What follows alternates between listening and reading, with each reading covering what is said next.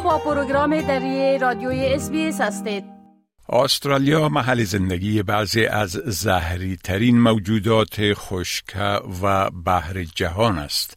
اینها شامل انواعی بخصوص از مارها، انکبوتها و چتر بحری یا جلی فش می باشند. امروز برای اولین بار یک کارزار در مورد بلند بردن آگاهی استرالیایی ها پیرامون گزیدن های سمی راه اندازی شده تا مردم بدانند که در صورت گزیده شدن توسط یک موجود زهرناک چی کار بکنند.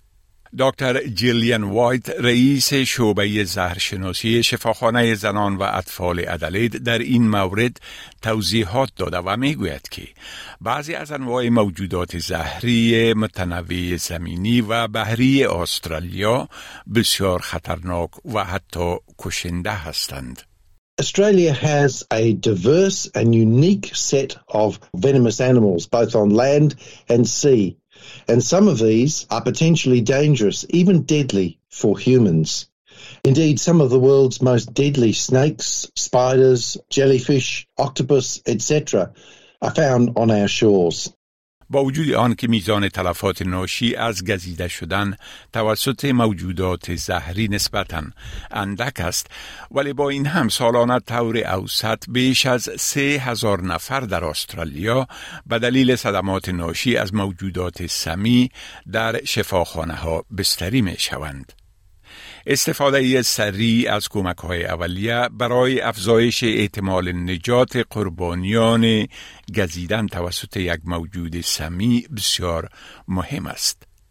دکتر وایت می گوید که در این فصل سال که هوا گرم می شود مارهایی که در جستجوی جنس مخالفشان هستند به گشت و گذار در اطراف و نواحی می پردازند و شمار موجودات زهرناک دیگر هم در زمین و هم در آب افزایش می آبد.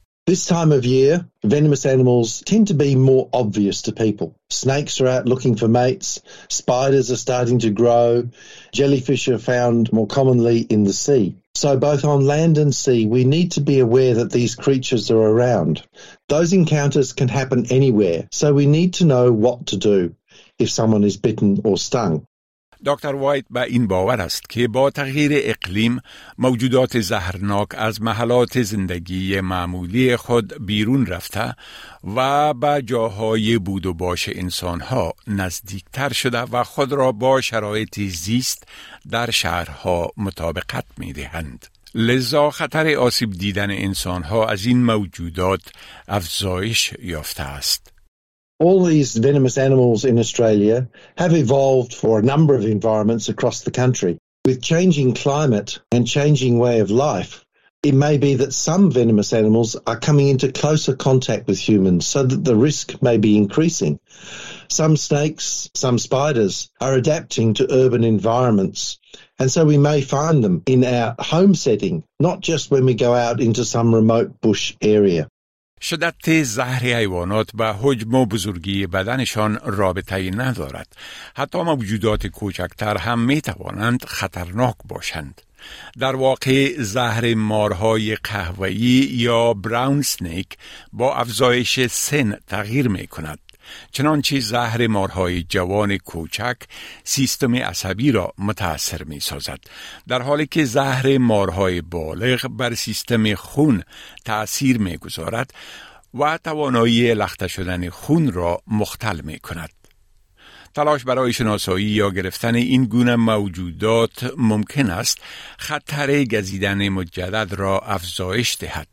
اولین قدم بعد از گزیده شدن همیشه باید تماس با شماره سه سفر یعنی سفر سفر سفر برای کمک های طبی عاجل و استفاده از کمک های اولیه صحی باشد.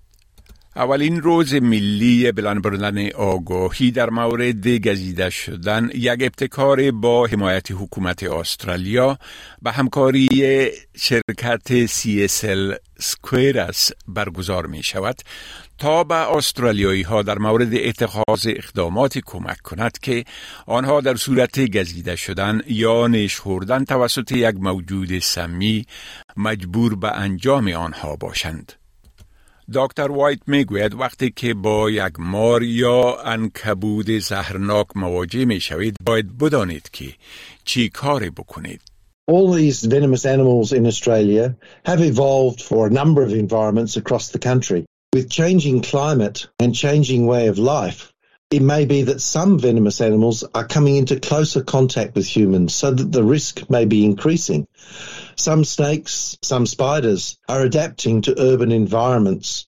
And so we may find them in our home setting, not just when we go out into some remote bush area. در این روز بلند بردن آگاهی بر اهمیت استفاده درست از کمک های اولیه هم روشنی انداخته می شود تا مردم بتوانند به سرعت عمل کنند. استرالیایی ها تشویق می شوند که در مورد کمک های اولیه برای موارد گزیده شدن یا نیش خوردن توسط حیوانات زهرناک معلومات خود را افزایش بدهند.